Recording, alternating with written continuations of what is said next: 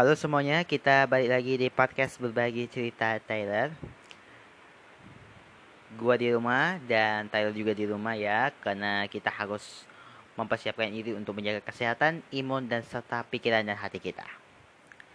Oke, ini suasananya memang di kamar, ada lagi hujan ya. Ya biasanya kalau hujan tuh enaknya makan mie, terus kemudian soto, terus juga kalau bisa sih teh anget ya untuk menambahkan imun. Ada juga jahe lah untuk menambah stamina untuk kita. Tapi kali ini kita nggak bahas itu. Kali ini kita akan membahas hmm, kalian pernah nggak sih uh, suka baca? Nah, ke mana kamu kita ingin mewakan waktumu? Bioskop, taman main, mall atau perpustakaan. Nah, jika kamu tipe yang suka menghabiskan waktumu dengan keheningan, perpustakaan dan temani ditemani oleh buku-buku. Nah, tenang saja banyak kok yang seperti kamu. Nah, bagi yang kamu yang suka baca buku, pasti ini terus-terusan membaca. Selesai satu buku, ganti buku lagi agar tidak merasa hampa dengan endingnya. Nah, perpustakaan adalah yang tepat yang tepat untukmu. Menyimpan lebih dari ratusan hingga ribuan buku, kamu akan tetap dipuaskan. Nah, kalau kamu kebetulan tengah berkunjung ke negara-negara lain atau gatal lah ingin membaca, pastikan kamu mengunjungi 10 perpustakaan paling terbesar dan terkenal di dunia ini. Dari visi hingga non-visi. Kamu bebas kok luangkan waktumu sampai jam tutup perpustakaan tersebut tentunya. Perpustakaan terbesar dan termegah di dunia jatuh kepada Library of Congress Washington DC Amerika Serikat. Jadi terletak di ibu kota pemerintahan Amerika Serikat, Perpustakaan Kongres Amerika Serikat, Library of Congress adalah perpustakaan nasional Amerika Serikat yang menyandang titel perpustakaan terbesar di dunia menurut Guinness World Records. Nah, perpustakaan ini terdiri dari tiga gedung yang dinamai berdasarkan tokoh di balik berdirinya Library of Congress ialah John Adams, Presiden kedua Amerika Serikat, buka sejak 1939. John Adams adalah presiden yang menandatangani undang-undang berdirinya Library of Congress. Kemudian Thomas Jefferson, presiden ketiga Amerika Serikat, bangunan tua Library of Congress yang terbuka sejak lahir abad ke-19 dan tahbiskan sebagai mencuru tanda sejarah nasional oleh pemerintah Amerika Serikat. Nah, Thomas Jameson adalah yang dulu berkontribusi besar pada koleksi Library of Congress. Kemudian James Madison, Presiden keempat Amerika Serikat, dibuka pada 1976 untuk mendengar James Madison yang mengeluarkan ide membangun Library of Congress. Bangunan ini juga uh, mencakup Mary Pickford Theater, lokasi pertunjukan, koleksi video visual, TV dan film milik Library of Congress. Nah, berdiri pada 24 April 1800 dan sempat pindah ke New York City dan Philadelphia Library of Congress ini memiliki berbagai materi hingga lebih dari 400, 450 bahasa dari seluruh dunia di sepanjang 1349 km. Nah, total Library of Congress ini memiliki sekitar 7 170 juta materi dari buku bersejarah seperti Alkitab, cetakan Johannes Gutenberg, benda bersejarah seperti biola Stanley First, terus juga hingga cuitan Twitter yang diarsipkan secara digital. Oke, berikutnya British Library London Inggris. Nah, juga di berdiri di ibu kota Inggris, British Library adalah perpustakaan nasional yang disponsori oleh Departemen Digital Budaya Media dan Olahraga Inggris. Melansir Wikipedia, secara koleksi, British Library ini sudah menyayangi Library of Congress sebagai perpustakaan terbesar di dunia. Per tahun ini, British ini menambah 3 juta koleksi yang memakan rak hingga 9 km. Nah, dibangun pada 1943, British Library ini memiliki 170 hingga 200 juta koleksi materi dari buku, koleksi lagu, video, hingga gambar. Beberapa benda bersejarahnya adalah manuskrip Beowulf, Alkitab Gunburn, rancangan lirik yang ditulis oleh Tanan oleh The Beta sendiri, Marga Canta yang adalah tonggak hukum konstitusi, Al-Quran, dan berbagai benda dari kebudayaan Asia lain. Selanjutnya, Library of and Artists Canada, Ontario, Kanada. Nah, berdiri pada 2004, Library and Archives Kanada adalah lembaga federal Kanada yang bertanggung jawab melestarikan kebudayaan Kanada agar bisa diakses masyarakat sebagai perpustakaan dan arsip nasional. Nah, perpustakaan ini memiliki lebih dari 20 juta buku, 24 juta foto, dan petabyte 1000 terabyte konten digital. Terus meskipun didirikan baru 16 tahun yang lalu, Library and Archives Canada ini memiliki koleksi yang tidak kalah artik. Nah, salah satunya koleksi artiknya adalah Kitab Sejarah Yahudi, Antiquities Lucaicae kalangan Farius Josephus pada 1470. Dan kursi yang pernah didudukin Glenn Goddard adalah salah satu pianis Kanada yang dikenal di dunia pada abad ke-20. Selanjutnya, New York Public Library, Amerika Serikat. Muncul di film dan game Spider-Man, PS4, perpustakaan umum New York atau New York Public Library adalah perpustakaan terbesar kedua di Amerika Serikat dengan sekitar 53 juta koleksi di 92 lokasi. Bersifat swasta, perpustakaan ini dibiayai oleh dana gabungan dari pemerintah New York City, dan masyarakat. Nah, dibangun pada 1895, perpustakaan ini telah dihabiskan sebagai NHL pada 1965. New York Public Library memiliki 39 perpustakaan di Manhattan, 25 di Bronx, dan 13 di Staten Island. Namun perpustakaan ini memiliki cabang yang melayani kawasan Boher dan Queens. Nah, selain itu, New York Public Library juga memiliki empat perpustakaan penelitian yang juga bebas diakses masyarakat umum. Selanjutnya, perpustakaan terbesar di dunia adalah Russian State Library Moskow, Rusia. Nah, sesuai namanya, Russian State Library adalah perpustakaan nasional yang terbesar di Rusia sebelum menjadi usia State Library pada 1992. Perpustakaan yang berdiri pada 1862 ini sebelumnya bernama V.E. State Library of the USSR sejak 1925 sehingga dijuluki Lenika. Rusia State Library ini memiliki sekitar 59,8 juta materi dari buku, penelitian, jurnal, hingga musik dan peta. Perpustakaan ini memiliki 247 materi berbahasa asing atau sekitar 29% dari seluruh koleksi Rusia State Library. Nah, selain itu, terdapat sekitar 200 lukisan kuno yang tersimpan di perpustakaan ini. Kemudian National Diet Library Tokyo, Jepang. National Diet Library atau Kokurisiku Kokonai Tosuskan adalah Perpustakaan Nasional Jepang yang bertujuan membantu anggota parlemen Jepang yang melakukan penelitian untuk merumuskan kebijakan di masa depan. Jadi kurang lebih posisinya pun sama ya seperti Library of Congress di Amerika Serikat, memiliki beberapa cabang. National Diet Library ini paling dominan terletak di Tokyo dan Kyoto. Tidak hanya untuk tujuan pemerintahan, National Diet Library juga membuat koleksi dari buku, jurnal, penelitian, pilihan hitam, hingga arsip nasional, hingga hampir 42 juta.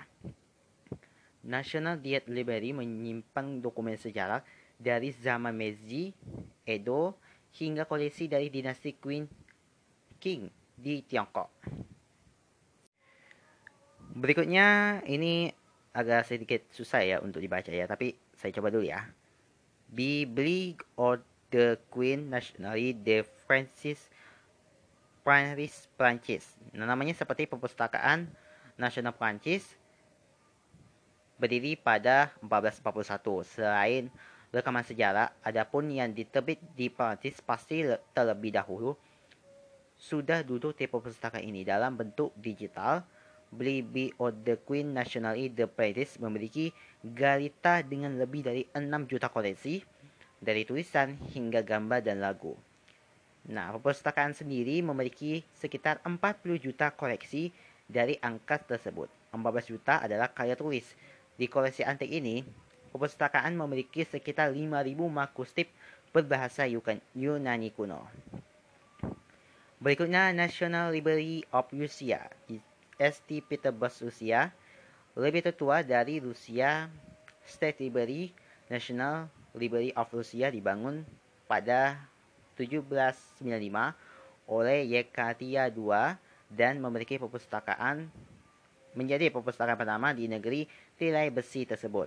Dari segi koleksi, National Library of Russia menempati urutan kedua yang terbanyak di Rusia.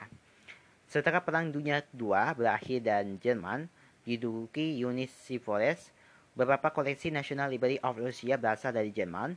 Nah, meskipun beberapa sudah dikembalikan, nyatanya uh, National Library of Russia ini masih memiliki sekitar 200 ribu karya seni, 4 juta buku, dan arsip sejarah Jerman dalam lak sepanjang 3 km.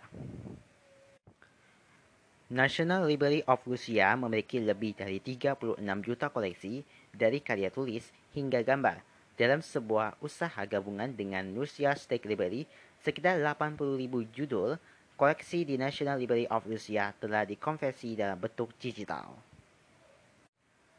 Selanjutnya, National Library of China, Beijing, Tiongkok. National Library of China sesuai namanya adalah perpustakaan nasional Tiongkok dengan 37 juta benda koleksi. National Library of China adalah salah satu yang terbesar di Asia dan dunia dibandingkan dengan perpustakaan lain. Jadi National Library of China menyimpan koleksi antik dan rekaman sejarah Tiongkok kuno banyak. Nah, didirikan pada 1909 di zaman dinasti Qin dan dibuka pada 1912 setelah revolusi Qinghai 1911. National Library of China mengalami tiga kali perubahan nama, yaitu Imperial Library of Peking dan National Painting Library. Jadi beberapa koleksi antiknya sudah adalah tulang lama dan cangkang kura-kura dari dinasti Sang abad ke-16 sampai abad ke-11 sebelum Masehi, sutra Buddha dari abad ke-6 Masehi, serta buku dari dinasti Song Selatan tahun 1127 hingga 1279. Nah, yang terakhir, perpustakaan terbesar dan di dunia adalah Royal Danish Library Copenhagen, Denmark. Berdiri di ibu kota Denmark pada 1648 oleh Raja Fredrik III dan dibuka pada 1793 Royal Danish Library adalah perpustakaan nasional Denmark dan perpustakaan Universitas Copenhagen setelah merger dari dengan Stand and University Library in Aarhus Royal Danish Library menjadi perpustakaan terbesar di kalangan negara Nordic dan salah satu yang terbesar di dunia. Dari sisi koleksi, perpustakaan ini memiliki hampir 37 juta koleksi fisik dan lebih dari 2,4 juta koleksi digital. Nah, beberapa koleksi Royal Library of Danish adalah surat-surat penulis terkenal seperti Hans Christian Edison, Alkitab German, dan buku cetak pertama di Denmark ini nggak tahu namanya ya tapi saya saya baca dulu ya. The Option de Bello Odiano karya Johann Snell pada 1482 nah perpustakaan masa kini bukan hanya berbicara soal buku dan koleksi antik saja. Ternyata perpustakaan pun juga ikut berkembang dengan zaman. Jadi manfaatkanlah teknologi perpustakaan dunia mendigitalkan koleksi mereka agar tak lengkang oleh waktu dan bisa diakses secara luas. Itu dia 10 perpustakaan terbesar di dunia yang direkomend banget untuk didatangi sebagai tempat menghabiskan waktu dengan membaca dan melihat kilas balik masa lalu. Dengan kondisi sebanyak itu, ya milih kamu pun gak akan cukup sehari saja kawan.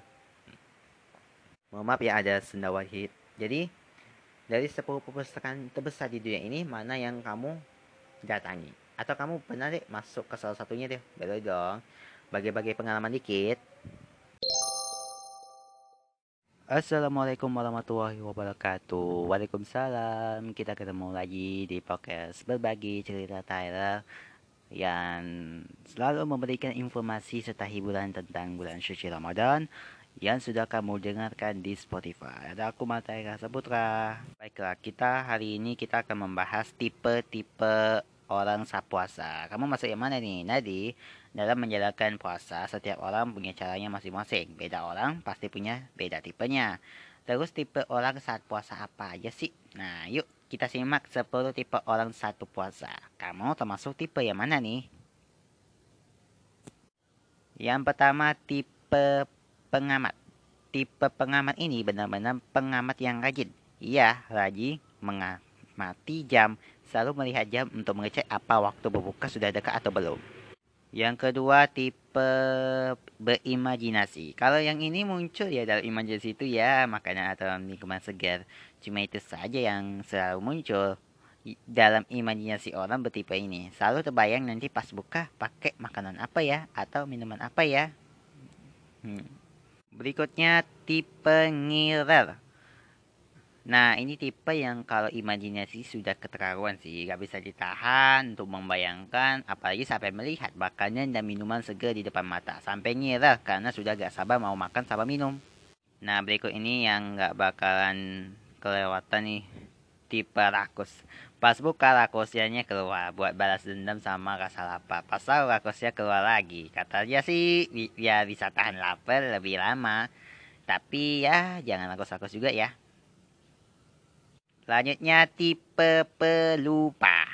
Ya lupa kalau lagi puasa, lagi masa terus pengasaran kasih ingat apa enggak. Dicoba terus ditelan. Eh baru ingat kalau lagi puasa. Bikin sirup pengasaran sudah habis apa belum.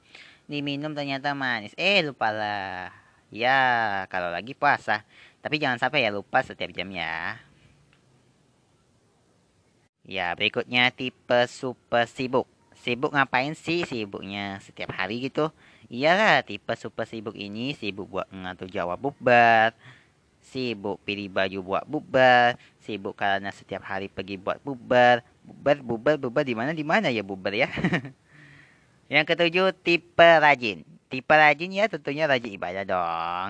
Dan juga rajin untuk mendekatkan diri ya kepada Yang Maha Kuasa. Rajin mencari berkah di bulan puasa. Semoga kita bisa termasuk ke dalam tipe ini ya. Amin.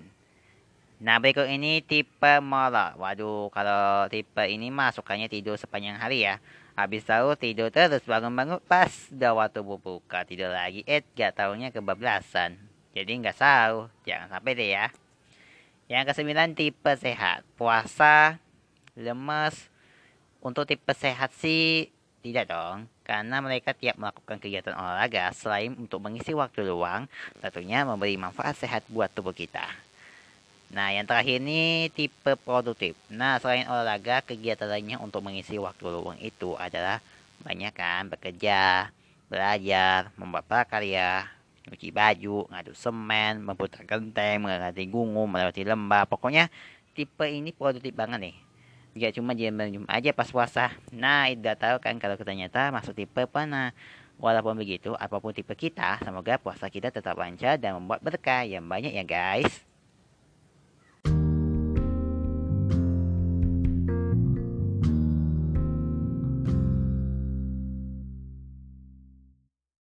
berbagi cerita Tyler hanya di Spotify.